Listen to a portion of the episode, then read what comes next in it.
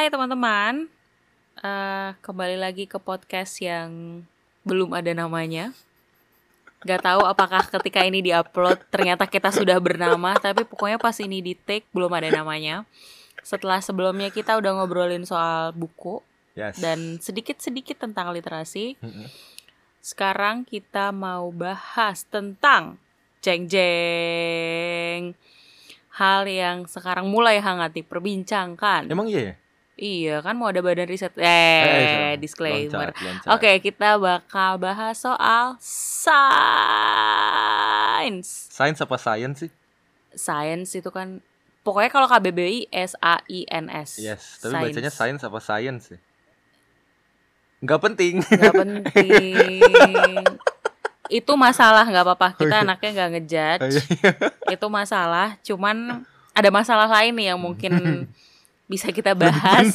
Ah, untuk diperbincangkan kasihan yang dengar nanti ya nggak apa-apa Eh, oke kita mulai dari pertanyaan mendasar.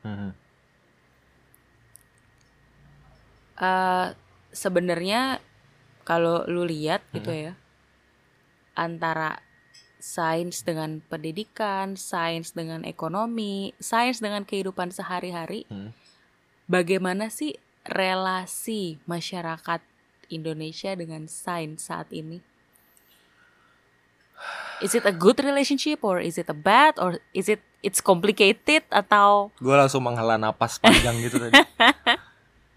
Soalnya ini spesifik ya buat eh, oke umum tapi sebenarnya spesifik buat masyarakat Indonesia. Betul. Kalau menurut gua ya belum jadi bagian dari kebudayaan kita. Oh, oke karena eh, ngomongin sains itu sebenarnya bukan ngomongin subjek-subjeknya fisika, ekonomi, Mm-mm. kimia, Mm-mm. sosiologi bukan, tapi lebih ke framework atau cara berpikirnya. oke Bahwa ngomongin sains berarti lu mulai dengan hipotesis, lu segala sesuatunya harus ada evidence-nya, Hmm, eh, lalu lu terbuka dengan evidence baru yang bisa memfalsify atau mem apa ya? Falsify itu bahasa Indonesia apa ya?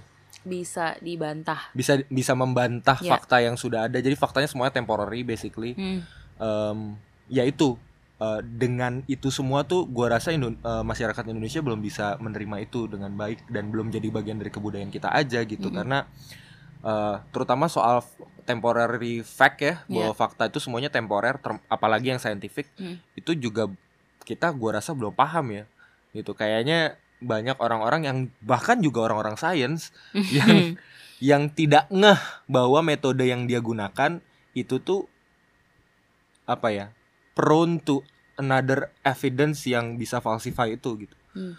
Eh, dan memang harus seperti itu karena kalau Ya. tidak bisa difalsify ya it's bukan not science sains gitu kan betul. jadi kayak dengan berdamai dengan fakta-fakta yang temporer itu bukan belum jadi bagian dari kebudayaan kita gitu apalagi ngomongin subjek-subjek dan metodenya gitu Hmm. yang jelas jauh lah masih dari Nah, menurut lo kita. kalau bisa sebut satu dua tiga Mm-mm. faktor yang menyebabkan sains itu karena kan oke memang sains itu bukan hanya subjek tapi uh, juga proses berpikir dan lain sebagainya itu sebetulnya kan itu diperkenalkan ya di Mm-mm. sekolah di universitas itu kan sebenarnya diperkenalkan diperkenalkan gitu tapi kemudian menurut pengamatan lo gitu ya apa sih yang menyebabkan sains pada akhirnya belum menjadi budaya kita although itu sudah ada di sekolah udah ada di universitas gitu eh pertanyaannya susah, jawabannya juga pasti susah. Karena iya complicated menurut gua karena ya masalah faktor pendidikan dari segi pembentukan kurikulum pedagoginya Mm-mm. dan pedagogi itu apa kak eh, pedagogi itu basically sederhananya adalah bagaimana kurikulum dibentuk oke. untuk sebuah materi bisa tersampaikan ke oke. eh, sekelompok orang gitu ya. oke. Em, sekelompok anak anyway. Kalau kalau dewasa andragogi, andragogi namanya. betul. Em, dan juga deliverynya at- atau metodologinya tidak bisa cukup untuk membuat anak-anak di sekolah dan di kampus nangkep sebenarnya apa esensi dari sains tersebut. Hmm, karena kita terbiasa di kelas-kelas sains kita itu diperkenalkan dengan fakta-fakta dengan rumus-rumus formula-formula dengan em, apa ya ya sekumpulan fakta yang hanya sekedar perlu diterima saja dan Hmm. tujuannya juga bukan untuk pemahaman sayangnya tapi untuk Ujian. sekedar Oh. ujian saja betul betul betul untuk bisa menjawab ujian yang sayangnya karena karena waktunya terbatas dan materinya banyak banget eh, guru-guru dan dosen kita ya terjebak gitu akhirnya ya mau gimana lagi Eh, lu mesti mesti bisa keep up dengan pace ini dan akhirnya ya udah nih hafalin aja rumusnya apalin aja tahun-tahunnya Hmm. definisi definisi definisi konsepnya Hmm. untuk sekedar lu bisa survive nanti ujian bisa jawab walaupun banyak dari kita yang pada akhirnya juga survive juga dengan sistem pendidikan kayak gini artinya Hmm. bisa walaupun dengan diawali dengan hafalan-hafalan tapi eventually kita bisa kemudian menangkap bagaimana sih konsepnya dan memahami konsep-konsep tersebut gitu Hmm. kan tapi buat banyak orang lain enggak mereka nggak dapat kesempatan dan exposure untuk bisa memahami konsep-konsep tersebut dan terjebak dalam konsep-konsep yang dulu mereka dapatkan di sekolah which is sangat-sangat terbatas. terbatas gitu Ya. dan itu membentuk pemahaman sains mereka gitu Hmm. Eh, selain itu juga menurut gue masalah masalah memang kebudayaan kita ya bahwa Hmm. kebudayaan kita kan cukup em bas kalau kalau orang Jawa bilang tuh kalau orang Jawa bilang kayak gue orang Jawa aja itu cultural cultural appropriation ya Emang di episode se- sebelumnya dia ngomongin tulang, yang which is dari orang Batak. Sekarang dia bawa-bawa Jawa. Gak tahu guys episode ke depan dia bakal nyebutin etnis apa lagi. Jadi harap dimaklumi aja. maksudnya Terima kasih. Saya juga nggak paham. Nggak, nggak. Maksud gua, kita tuh punya kecenderungan eh, besar sekali menghormati orang yang lebih tua kan, dan Mm-mm. menghormati orang yang punya jabatan lebih tinggi dan lain sebagainya. Dan itu kecenderungan approach doktrinnya tuh jadi kuat banget. Instead of reason, Hmm. kita tuh jauh lebih mudah dan terbiasa menyampaikan informasi dengan approach yang doktrin gitu, yang Hmm. indoctrinating gitu. Mungkin juga ada ada PR masa lalu yang belum kita selesaikan juga ya dalam kultur bangsa akibat pemerintahan Orde Baru gitu. tapi ya gua nggak tahu juga sih ya. Eh, tapi maksud gua em, kebiasaan ini somehow juga membentuk kita tidak terbiasa untuk bertanya kenapa karena dalam budaya kita bertanya kenapa sering kali dianggap sebagai sesuatu yang ngelawan. ngelawan dan tidak sopan gitu. Padahal kan ini yang dilawan ilmu pengetahuan ya. Kenapa itu Ya. terjadi gitu kan? Jadi bukan orang yang kemudian tidak dan nggak ada nggak ada hubungannya antara bertanya kenapa dan merasa Tidak tidak, hormat. dihormati Nah. gitu kan. Mungkin itu lebih karena kebiasaannya kita banyak em, apa ya orang-orang yang mungkin jabatannya lebih tinggi yang Hmm. ketika ditanya kenapa nggak tahu jawabannya dan itu merasa powernya dia tuh di, di terancam gitu Ya, ya, ya. dan cara dia defense adalah dengan ya, Marah. marah gitu Hmm. kan jadi kayak ke- kebiasaan-kebiasaan tersebut kemudian membentuk masyarakat kita sulit untuk menerima eh, dalam tanda kutip kebudayaan sains Hmm. yang basisnya adalah reason alasan dan kenapa gitu itu sih menurut gue dua dua faktor pentingnya sih Jadi ada bagian bagaimana kurikulum itu disusun dan sama delivery material dan delivery materialsnya sama soal tadi culture culture kehidupan lah ya gitu secara umum. Nah, pertanyaan berikutnya adalah memangnya gitu ya. Memangnya ketika suatu budaya salah. Ketika suatu masyarakat sudah bisa menerima dan bahkan memanfaatkan gitu ya pokoknya udah punya kebudayaan sains memang apa sih yang akan terjadi? Hmm. apa sih eh, gila gue pragmatis banget pertanyaannya tapi kayak emang apa sih benefitnya gitu? Pertanyaan lu susah-susah ya? Gimana sih? Ya udah jadi ba- jadi bacanya science atau science kita balik aja deh ke pertanyaan awal deh gak apa-apa ya yang dengerin Oke. ini Tapi kan pertanyaannya perta- susah Pertanyaannya adalah eh, emang kenapa kalau kita udah mengadopsi kebudayaan sains tadi? So Ya, jadi kita berandai-andai nih. Oke. Jadi suatu masyarakat udah bisa mengadopsi gitu. Kalau ini personally ya, perspektif Hmm, gua hmm, ya. hmm. Kita tahu bahwa seluruh revolusi peradaban dan industri manusia dalam Mhm. sejarah itu selalu didorong oleh teknologi. Mhm, Tidak pernah tidak. Mhm. ngomongin agricultural revolution itu teknologi, ngomongin Industrial. n- knowledge revolution pakai mesin knowledge, cetak, ya, betul. ngomongin industrial revolution gara-gara ada steam engine, Mm-mm. ngomongin electrical revolution listrik, ngomongin sekarang data artificial intelligence Hmm. semuanya teknologi.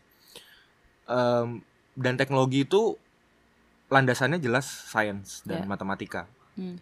Kalau kita nggak punya pemahaman dan penguasaan matematika dan sains yang baik, kita nggak akan bisa mengembangkan teknologi yang baik juga, yang bisa membantu kita mendorong peradaban manusia maju lagi. Hmm. Masalahnya, kalau kita tidak punya kebudayaan matematika dan sains, kita tidak bisa ikut serta dalam mengembangkan kebudayaan manusia. Oke. Dan dampaknya adalah perspektif Indonesia yang Hmm. mungkin sangat spesifik dan spesial Hmm. itu tidak bisa ikut dalam perkancahan mendorongnya peradaban manusia global gitu. Hmm. Jadi perspektif Indonesia hilang Wow. dalam perkembangan peradaban manusia secara global. Yang terbukti sekarang terjadi. Ya kan? Sekarang kan Hmm. semua perspektif yang kita pakai western asik. Ya nggak sih? Sayangnya ya. Ada banyak perspektif-perspektif lokal yang hilang dalam eh, perkembangan peradaban manusia. Dan gue rasa itu masalahnya adalah karena kita konsumen aja dari dari ilmu pengetahuan, sains dan teknologi yang ada gitu. Hmm. Kita nggak ikut memproduksi ilmu pengetahuan dan teknologi. Kalau kita sudah ikut memproduksi, gua rasa kita bisa mendorong perspektif yang spesifik Indonesia karena gue percaya ada ada ada socio cultural konteks itu membentuk juga kan karena Hmm. sains kan tidak bebas nilai ya kalau Hmm. kata Habermas ya Guys, ternyata dia motif Habermas, guys. masa Frankfurt yoi Anak-anak visit panggilan kepada nggak ada yang lanjut lanjut. bahwa tidak lepas kepentingan kan Hmm. jadi ketika sains diproduksi dalam konteks Indonesia pasti juga akan berbeda Hmm. dan ketika kita nggak punya kapasitas itu ya nggak akan nggak akan masuk dalam dalam peradaban ya kita hilang aja gitu Oke, nah gue mau challenge nih. Hmm. Kan eh kalau orang mau arg- argue gitu ya, dodol-dodolannya. Ya biarin aja udah beberapa orang kan bisa ngembangin teknologi. Ngapain dijadiin kebudayaan gitu. Mhm. Itu gimana? nggak mungkin Gimana tuh? karena sains itu sains itu effort kolektif Wah, menarik, Jadi, guys.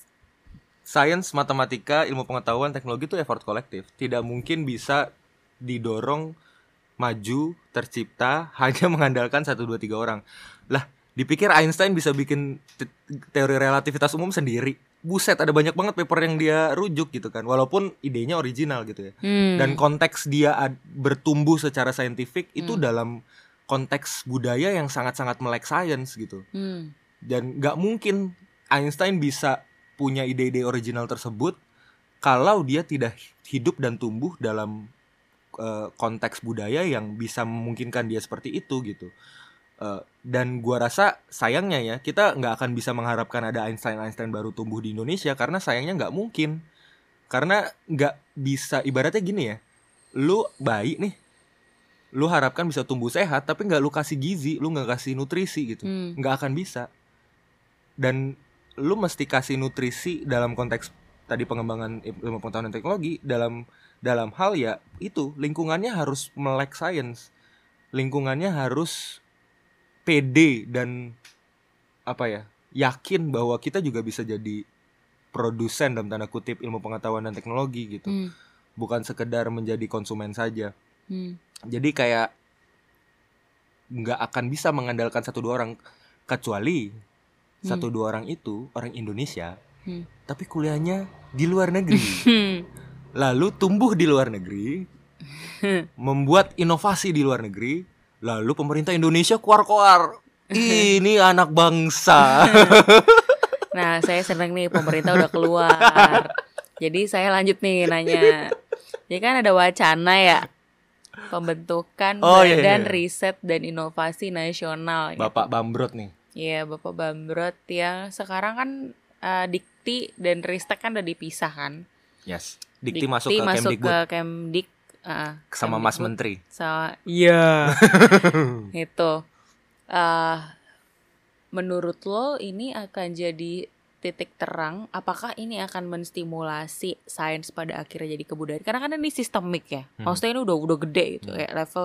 Dan menurut gue sepengamatan gue ketika suatu negara menjadikan uh, satu sektor itu sebagai kementerian lembaga itu artinya orang itu eh orang itu negara itu udah serius gitu maksudnya ini penting sampai harus ada budget negara sampai harus ditaruh ke situ gitu Pajak kita Yes.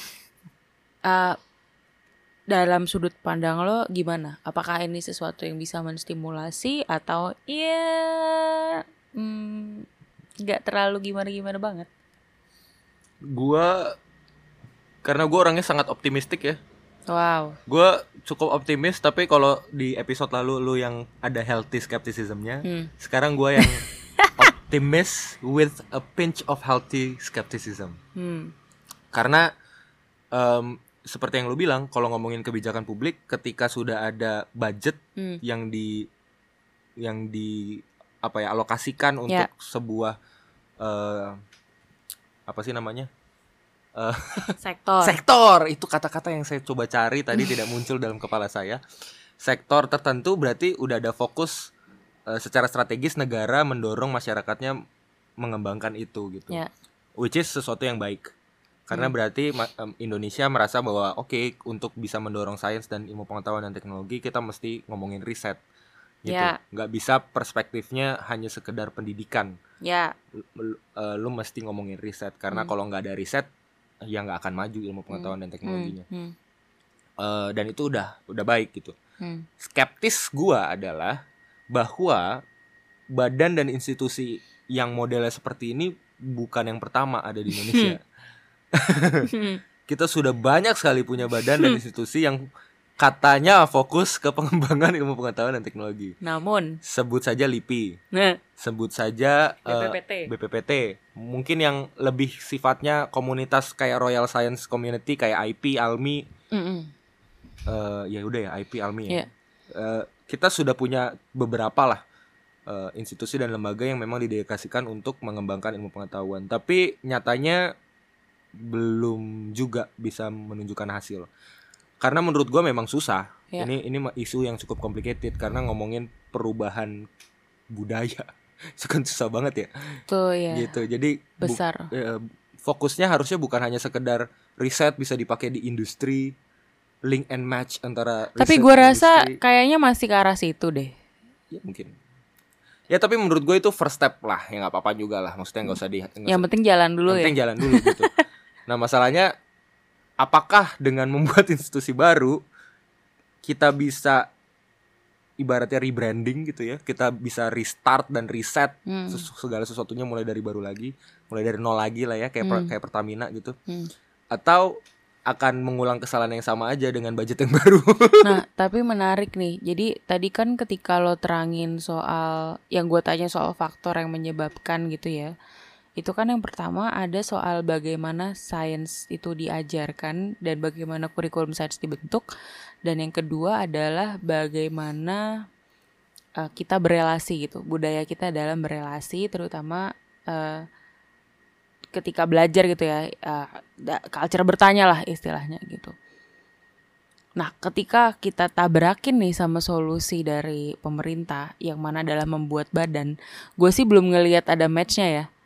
Kayak Yes. gimana? yes Iya gitu. Eh eh, ngerti ngerti yes. mak- maksudnya Ya, kayak nggak- gitu. nggak Jadi kayak sama problem statement kita tadi ah, ah, mungkin gitu. problem statement pemerintah beda Nah, exactly gitu. Jadi gue gue, gue eh, bertanya-tanya aja di situ sih. Gue penasaran aja apa problem statement dari segi yang sebenarnya problem statement lo juga udah cukup makro gitu. Hmm. Problem statement pemerintah. Maksudnya gue bingung pemerintah itu melihat masalah sains ini kayak gimana gitu. ya. Tapi eh, kalau dari perspektif lu Hmm. sebagai orang social science karena sains kan nggak natural science doang ya iya. social science juga sains gitu Em, gimana memandang isu ini terutama dalam konteks tadi ya ngomongin kebijakan Hmm, dan ngomongin bagaimana eh, inisiatif pemerintah hmm, itu kayaknya tidak nyambung dengan problem statement yang kita omongin sekarang hmm. itu gimana menurut lu pandangan Eh, sebetulnya gue butuh tahu dulu sih sebenarnya masalah yang mau diadres tuh apa gitu. oleh pemerintah Ha-ha. Mm. Jadi kead- keadaan kehadiran badan ini mau menyelesaikan masalah apa. Makanya tadi gue tebak arahnya masih ke bagaimana menjawab kebutuhan pengembangan di industri Mhm. karena ya gue lihat problem yang mau diselesaikan adalah ketiadaan inovasi Mhm. Uh, di bidang berbagai macam industri gitu. Jadi gue ngelihat larinya masih ke sana dan kan katanya ada isu bahwa oh uh, dana uh, R&D-nya kementerian dan lembaga itu lumayan tapi uh, realisasinya gitu dipakainya tuh nggak nggak nggak produktif lah Hmm. istilahnya gitu. Kalau misalnya memang yang tadi gue sebut barusan itu adalah problem statementnya, apakah membentuk badan kemudian akan membuat dana-dana itu lebih produktif, lebih produktif gitu ya? Gue nggak tahu lah gitu. Ah, iya, jadi gitu sih. Jadi ah, dan menurut gue, tapi tapi ya tapi ya mungkin mungkin bisa menstimulasi ah, orang-orang untuk berinovasi. Itu mungkin karena kan ya gue nggak tahu mungkin akan ada dana hibah untuk apa DLL gitu kan. Berarti kalau menurut lu kalau kita balik cara berpikirnya dengan inisiatif pemerintah sekarang, kira-kira problem statement pemerintah apa ya? gue yang tadi sih ketiadaan inovasi untuk eh, di industri-industri Kenapa menurut pemerintah itu penting ya? ya duit Wow. loh negara itu kan kayak mengurus rumah tangga dalam ukuran besar ya Iya iya. soalnya nggak ini jujur ya atau mungkin gue yang belum terpapar jadi kalau ada yang denger boleh kasih link atau kirim email ke gue atau DM gue Gua nggak boleh. bagaimana ya ya lu juga boleh tuh maksudnya ini kan ya kayak gue gue nggak tahu apakah lu punya concern yang sama dengan gue gitu Iya, iya. gue belum melihat bagaimana badan riset dan inovasi ini ditujukan untuk social impact. Menarik, menarik. Gue belum melihat, gue belum gue belum pernah dengar dan belum pernah membaca artikel Hmm. Bahwa si BRIN ini akan juga berdiri untuk menjawab masalah-masalah sosial yang sebenarnya justru ya ratusan tahun tuh masalahnya itu itu aja tapi nggak kelar-kelar sampai sekarang gitu kan. Hmm. gue belum melihat bahwa si badan tersebut juga berdiri Hmm. untuk masalah-masalah seperti itu. Hmm. Gue nggak tahu apakah logikanya ketika duitnya udah banyak maka masalah sosial juga udah kelar gitu. Gue nggak tahu ya. Tapi itu menarik bahwa eh, harusnya ya science didorong untuk punya social impact, both social science dan natural science. Hmm. Menurut lu kenapa ya? Kenapa science harus punya social impact? Terutama kalau social science jelas lah ya karena subjek studi so- studinya sendiri adalah eh, relasi sosial antar Hmm. manusia gitu. Hmm. Tapi kalau natural science dari per- dari pandangan lu sebagai seorang social scientist, Hmm. kenapa natural science juga perlu punya social impact ya? Eh, menurut gue sebenarnya dengan perkembangan ilmu pengetahuan sekarang udah agak weird sih kalau mau strict banget gitu memisahkan antara natural science sama social science gitu karena Setuju. justru inovasi-inovasi yang hadir terus solusi-solusi yang hadir datang dari kolaborasi antar keduanya Hmm, gitu hmm. itu satu terus yang kedua eh, kenapa sains perlu punya social, Social impact. impact. ya karena tadi gitu eh, sains itu adalah eh, tools yang bisa digunakan untuk membuat kehidupan kualitas kehidupan masyarakat yang lebih baik gitu Hmm. makanya itu harus ada social impactnya ada orang yang bilang kalau misalnya gue mau riset out of my curiosity aja Iya, iya. Misalnya gimana kayak yang gitu pure science banget gitu. menurut gue itu social impactnya akan tetap ada kan Hmm. tadi lu uh, lu tadi udah bilang gitu bahwa ketika sains eh ketika sains ketika Einstein membuat teori dia merujuk ke berbagai macam bacaan gitu. Ya gue nggak ya dan tumbuh dalam lingkungan yang juga nah gue nggak yakin Sehat. bahwa si semua orang yang dia kutip itu awalnya oh gue mau bikin social impact. Akan kagak juga gitu kan. Tapi toh pemikiran itu berguna itu dapat digunakan. Jadi gue nggak bagi gue ya eh, setiap upaya yang dilakukan di ranah sains itu asal memang lu punya semangatnya ya itu bisa ditujukan untuk social impact tapi kan again sains itu eh, apa namanya bisa dijadikan tools untuk berbagai macam hal ya termasuk tadi nyari duit Mhm. dan termasuk untuk menghancurkan negara lain. ya itu juga bisa ya, banyak lah contohnya ya yang digunakan untuk Iya itu iya iya gitu. iya iya. iya. Nah, eh kok gue lupa sama pertanyaan gue apa ya? Tadi Lah, udah piye udah nongol terus hilang lagi Iya, hilang. jadi eh, kalau gua itu baru perspektif kita berdua gitu. Maksudnya dari obrolan kita ada kita muncul dua problem statement, kita mengira-ngira. Problem statement dari pemerintah juga ada dua gitu. Mungkin akan ada banyak problem statement tentang sains yang bakal muncul ke permukaan dan mungkin ya jangan-jangan gak cukup dengan BRIN aja gitu. Ada hal-hal lain yang perlu diselesaikan bukan sama BRIN, tapi Sama di tempat lain. Mungkin Kemdikbud, Mhm. Mungkin kom- universitas, Mhm. mungkin RT, gue nggak tahu. Mungkin Oh, justru pemuka-pemuka agama. Gimana tuh RT dan pemuka agama bisa contribute ke problem ini? eh menurut gue ya, eh, institusi-institusi kecil itu adalah institusi di mana orang mulai bertanya. Mhm. Kebudayaan bertanya tersebut yang bisa dibangun justru dari tempat-tempat yang quote and quote bukan tempatnya sains. Seperti pengajian, Pengajian, seperti seperti RT-RT, seperti ya, keluarga. PKK, keluarga. Kalau misalnya dari lingkungan terkecil tidak dibangun budaya untuk bertanya, ya udah sampai gede ya ngapain gunanya gitu. Mhm. Ya ikutin aja, atau gue masih bisa hidup tanpa gue bertanya gitu. Jadi ya mungkin ada hal-hal masalah-masalah yang perlu dibantu juga gitu. Mhm. Nggak cuman BRIN yang bisa menyelesaikan gitu. Iya, kalau kalau kalau gue ngelihatnya gitu sih, karena kan masalahnya besar ya, cukup besar. Ah, cukup kompleks lah gitu. Nah, eh, gue mas- masih related gitu ya. Salah satu masalah yang gue perhatikan juga adalah figur eh, role model gitu. Kalau misalnya ke museum,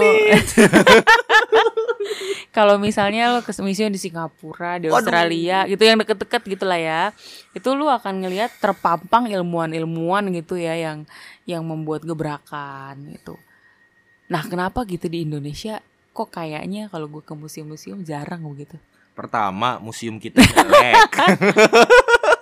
Pertama, Ya Allah, ada yang bagus guys, ya, tapi ya berapa ya, sih persentasenya gitu. yang Nah, memang terawat dan itu diakui loh sama Bapak Dirjen Kebudayaan Oh ya kita betul betul betul betul. bahwa dari berapa ribu Oh ya gue baca tweet orang tuh. Ya. ya, cuma berapa yang diurusin pemerintah dan dari yang diurusin pemerintah berapa yang memang bagus gitu. ya. Itu pertama. Hmm. Yang kedua, iya memang